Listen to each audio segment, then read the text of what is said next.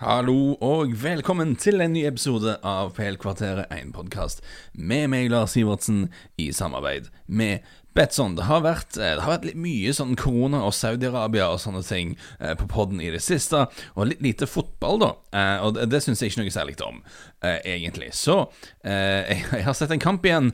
Jeg, jeg, likte det vi gjorde med Brent Rogers sitt Liverpool, at jeg ser en kamp og bruker det som liksom en inngangsport til å snakke om et litt kult lag fra Premier League-historien, på en måte. Jeg syns det var en bra måte å gjøre det på, så jeg tenkte vi skulle gjøre det igjen. Og, og da er det jo bare på sin plass, egentlig at vi ser en, en bra Manchester United-årgang, uh, syns jeg. Første mimrepodden vi gjorde, eh, var et veldig traumatisk øyeblikk for United-folket, selvfølgelig. Eh, andre mimrepodden var om et outstanding Liverpool-lag. Eh, så, så, nå syns jeg jo bare det er på sin plass at eh, vi, vi, gir de, de mange United-supporterne eh, som hører på, noe litt mer sånn positivt United-aktig. Det, det, det, må være greit. Det må være innafor. Og jeg begynte å tenke da på hva, hva skal vi se, hva, er kult å ta. Og det som kanskje fascinerer meg mest da med Sir Alex Ferguson, er jo ikke bare det at han vant masse ting, men at han stadig vekk klarte å bygge opp nye storlag da, i, i samme klubb over veldig lang tid, relativt sett, i en periode der fotballen endra seg veldig, både rent sportslig og som industri. Og jeg tenker at altså, Laget som vant Premier League og Champions League i 2007-2008, eksisterte jo i en, en, veldig annen virkelighet enn laget som vant uh, The Double i 1994, f.eks. Uh, mange vil nok holde Treble-laget fra 1999 som det aller beste, og det var de kanskje òg, uh, men jeg er veldig fascinert av at Ferguson da på andre halvdel av 2000-tallet eh, igjen bygger opp et, et nytt mesterlag, eh, og et lag som spilte veldig moderne fotball i hermetegn da, på mange måter. Eh, det er unikt og uvanlig. Eh, og I 2007 var vel Sir Alex kan være 66 år gammel, eller noe sånt. Um, altså, jeg tenker Det er lett å se for seg at Sir Alex, da, som var skotte, uh, hadde temperament, veldig knallsterk sånn ledertype osv. Det er lett å se for seg da at han var en bra leder for folk som sånn Brian Robson og Roy Keane og sånn på 90-tallet. Men uh, Ja, ok, og etter det så hadde du også sånn Du hadde Class of 92-generasjonen, uh, som jo selvfølgelig så på han som en sånn farsfigur og halvgud og sånn. Men det jeg da syns er er eksepsjonelt, at du har en fyr på godt over 60 eh, som på 2000-tallet da klarer å få bygge opp et nytt lag og få fantastiske prestasjoner ut av typer da, som Cristiano Ronaldo, som Carles TVs.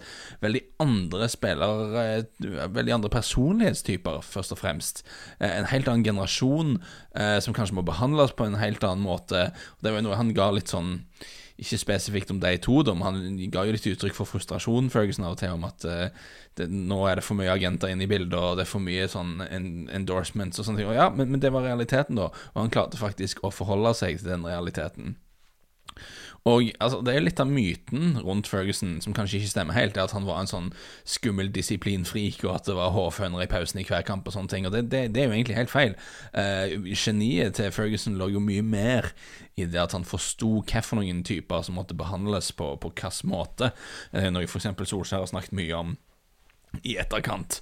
Eh, og no, Noe som Ferguson også gjorde, som var veldig smart, var at han hadde en del utskiftning da på, eh, på assistenttrener og hjelpetrener og sånne ting delegerte ut mye av arbeidet. Eh, sånn at for spillerne så, så, kom det ofte da friske ideer og nye stemmer inn i det hele. Eh, det kom nye taktiske tanker inn i systemet. Og jeg har jo da veldig lyst til å snakke om dette 2007-2008-laget, og da se en av kampene deres. Nettopp av den grunnen, for at de vant Premier League, vant Champions League, spilte veldig interessant fotball. Eh, til tross da for at de, de, ble trent av en eh, Eller fordi som du hadde en manager som hadde vært i gamet i over ti år som, Det er lett å bli liksom Når du har hatt masse suksess med å gjøre ting på din måte i mange år, så er det jo lett å sette seg fast i de metodene, men Ferguson gjorde aldri det. Det er utrolig fascinerende.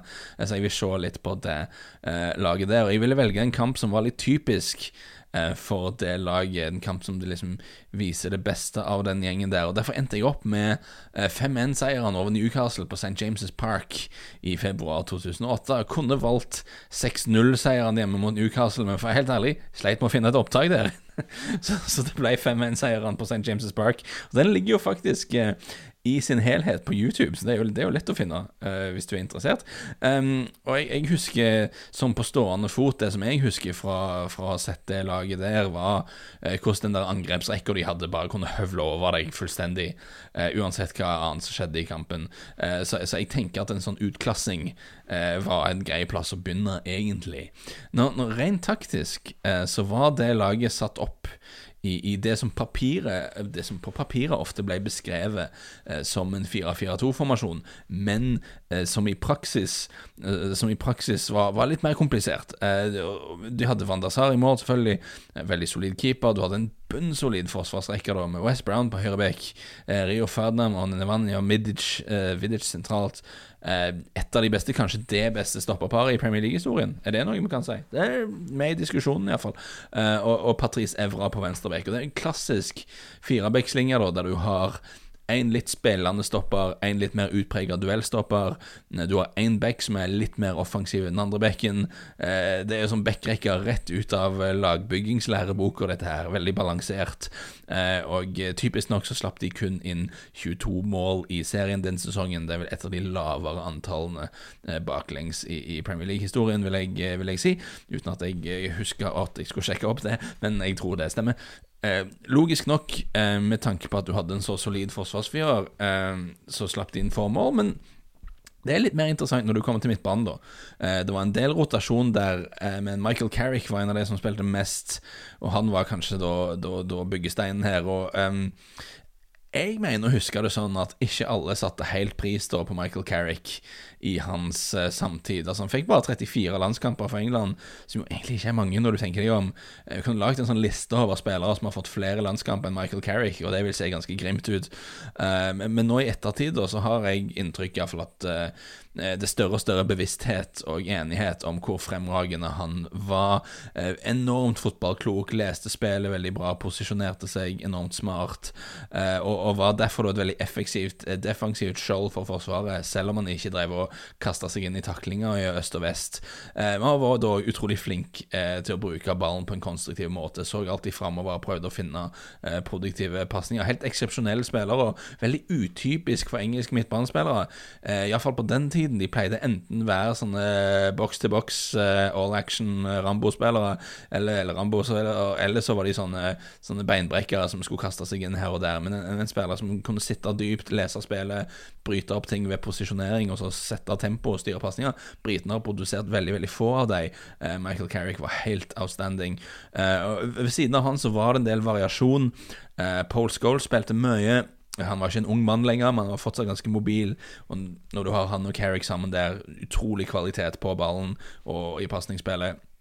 Anderson spilte en del, uh, Owen Hargreave spilte en del, Darren Fletcher spilte litt. Uh, og det var Darren Fletcher som spilte da ved siden av Carrick i akkurat denne kampen. Um, så det var litt sånn bland, blanda gods på blanda drops på midten, men Carrick var da liksom uh, han som var sentralen der. Så, så, foran de, da. Ok, På papiret så spilte Cristiano Ronaldo høyrekant, uh, Nani venstrekant i akkurat denne kampen, mens Rooney og TVS spilte spiss. Ok, det var kanskje startposisjonene deres, men det er sånn Hvis du sitter og ser denne kampen og trykker på pause nå da når United angriper, så vil du jo se at de fire vandrer veldig mye. Det er sjelden at de var liksom i akkurat de posisjonene. Og det var jo òg da planen. Eh, I Rooney, TVs og Cristiano spesielt så hadde du tre spillere der som alle var bevegelige, eh, alle var komfortable i flere posisjoner offentlig. Eh, offentlig? Offensivt. Eh, de, de, de, hadde veldig mye frihet til å vandre eh, rundt og, og, finne farlige eh, posisjoner.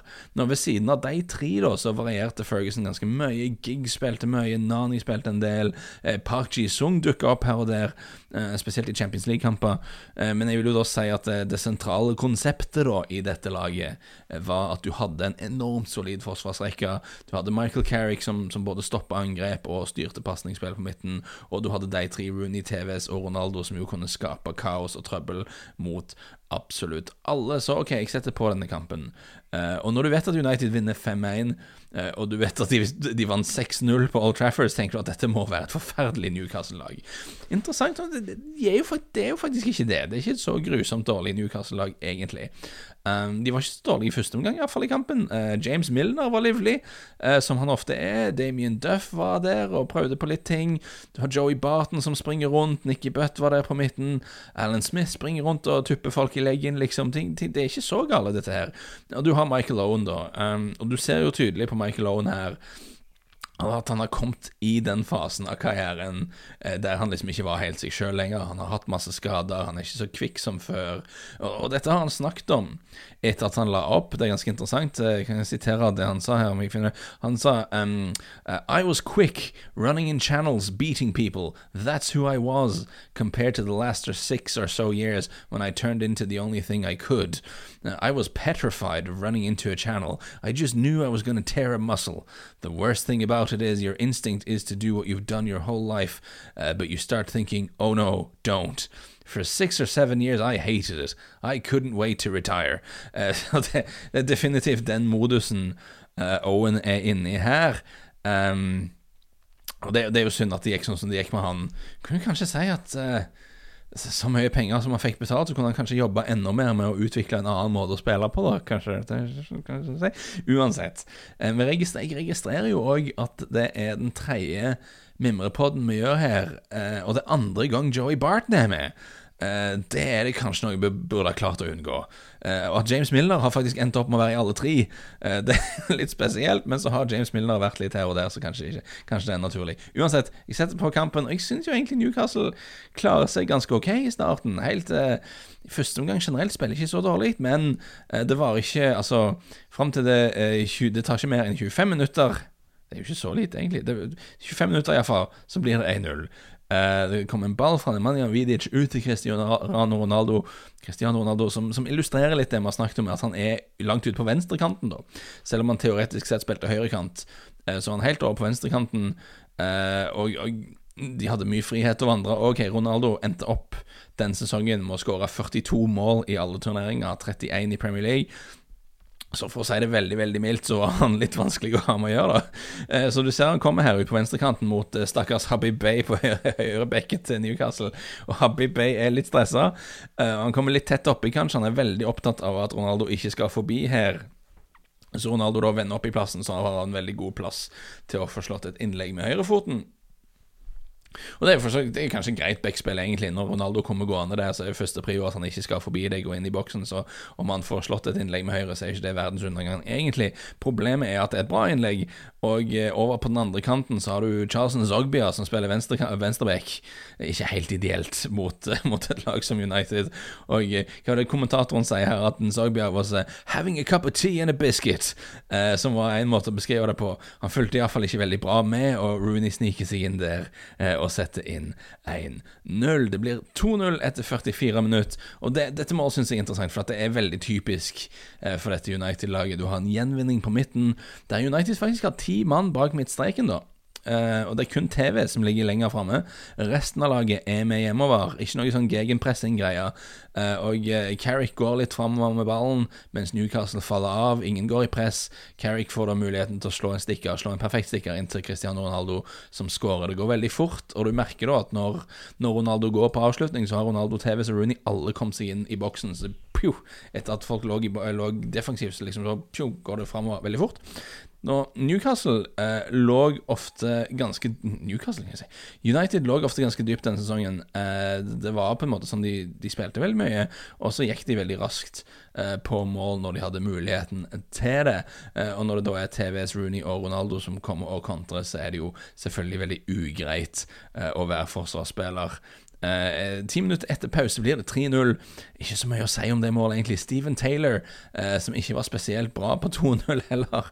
Newcastle-stopper Steven Taylor eh, gjør en, en, meget merkelig manøver der, setter seg selv helt ut av spill og gir Cristiano Ronaldo en mulighet alene med keeper. Det går nøyaktig sånn som det jo måtte gå. Etter 78 minutter så får vi en redusering. Abdullah Fay reduserer til 3-1 etter en corner. En ung Andy Carroll som har kommet inn på, har 19 eller noe sånt da Eh, kommer først på corneren. Det ser ut som han prøver å heade den i retning mål, men han får det ikke helt til. Ballen detter til Fay isteden. Aldri noe eh, Moser han bare inn, men det, det, ser ikke egentlig ut som det skal komme noe comeback her. Og to minutter etterpå er det 4-1, og da er det Wayne Rooney, eh, corner til United, som blir heada ut. Ender hos Rooney like utenfor boksen, og Rooney tar det, tar det helt med ro. Helt sånn skjære på tunet-modus, og skrur den inn i, ved, ved lengste stolpe. Litt sånn keeperhøyde, men eh, plasseringen og kurven på ballen der er såpass bra at det er veldig ugreit eh, for Steve Harper å få gjort noe som helst. Ja, Steve Harper, sa jeg. Han kom inn for, eh, for Shay Given i pausen. Eh, litt utakknemlig oppgave for stakkars Steve Harper. Eh, og det er interessant, da, for når vi tenker på Jeg brukte det ordet litt for mye, interessant, men det er interessant. Eh, når, når, vi tenker på den trioen TVS, Ronaldo og Rooney, eh, så er det jo lett å tenke at Rooney på en måte var arbeidskaren deres. Eh, at det var han som liksom eh, sprang rundt og plukka stein og sånn, mens TVS og Ronaldo var, drev med kunstinga. Men og Det stemmer jo litt. Eh, det var et øyeblikk i første omgang her i denne kampen der Rooney var liksom helt nede på eget hjørneflagg og skulle være sånn reserveback og sånn, eh, og han gjorde en del av det. Og kanskje, kanskje det er noe av grunnen da til at United i hermetegn slapp unna med denne litt sånn flytende 4-4-2-varianten deres. For den gir deg jo egentlig ikke så mye god defensiv dekning. Eh, uansett hvor bra stopp, stopperne dine er, uansett hvor flink Carrick er til å plassere seg, så er det ikke så Det er litt lite folk på midten der, da, egentlig. Hvis du tenker på de sånn generelle taktiske trendene som var mer mot å fylle midtbanen eh, og, og, vinne midtbanekrigen. Eh, jeg tror mye av grunnen til at de slapp unna med det, var at du hadde Rooney og for så vidt også TVs da, som jobba en del hardere hjemover enn det veldig mange andre spisser gjorde. Eh, og, og, alt er en del av historien, og det er et stor del av Rooney sitt bidrag til dette laget. Beklager, men jeg syns det er også viktig å huske at Rooney var jo ikke noen dårlig fotballspiller, han heller, eh, for å si det mildt. Han hadde noen kunstmål i beina, han òg. Veldig fin avslutning på 4-1. Eh, der på overtid setter jo da Rooney òg opp Louis Saha, av alle folk som har kommet inn. Han var der fortsatt. Louis Saha har kommet inn og får satt, eh, satt inn 5-1 eh, på en sånn helt habil avslutning i feltet. Det ender 5-1. United slo Newcastle 6-0 på Old Trafford det året, 5-1 på St. James' Park. Fair å si at Newcastle hadde et greit tak på jeg Beklager at United hadde et greit tak på Newcastle, men de hadde jo òg et greit tak på de fleste. Ble Premier League og Champions League-mestere. Og jeg vil jo si at når vi tenker på Når vi tenker på Ferguson sin tid i United, så er det naturlig å se på, på tre virkelig liksom mesterlag som han bygga. Eh, første halvdel av 90-tallet kulminerte på en måte i The Double 1994. Du hadde Cantona, Mark Hughes, Pallister og Bruce bak, hele den gjengen der. Eh, det neste er selvfølgelig The Treble i 1999. Uh, kanskje ikke nødvendig å si noe som helst om det, det er jo nesten som barnelærdom eh, når, vi når, vi er fra, Norge. Cole og York på topp, Solskjær inn fra benken hele veien. Eh, Beckham, Giggs, to ganger Neville, Roy Keane, hele gjengen der. Men jeg vil jo da holde fram denne gruppen her Uh, som vant uh, Premier League og Champions League, som på en måte det tredje da Tredje mesterverket til uh, sir Alex Ferguson. Send gjerne inn da tanker på, på Twitter eller Facebook om hva dere tenker. Er det andre årganger dere syns var enda bedre? er det noe som burde vært nevnt? alt sånn. Uansett, vi holdt på en sånn vet ikke, jeg tok ikke Jeg sitter i skuret her og tar av. Jeg tok ikke med meg telefonen engang. Så slakt har det blitt. Men vi er jo ikke så langt over. Vi er på, på 17-19-18 minutter. Ja, ja, helt krise var det ikke.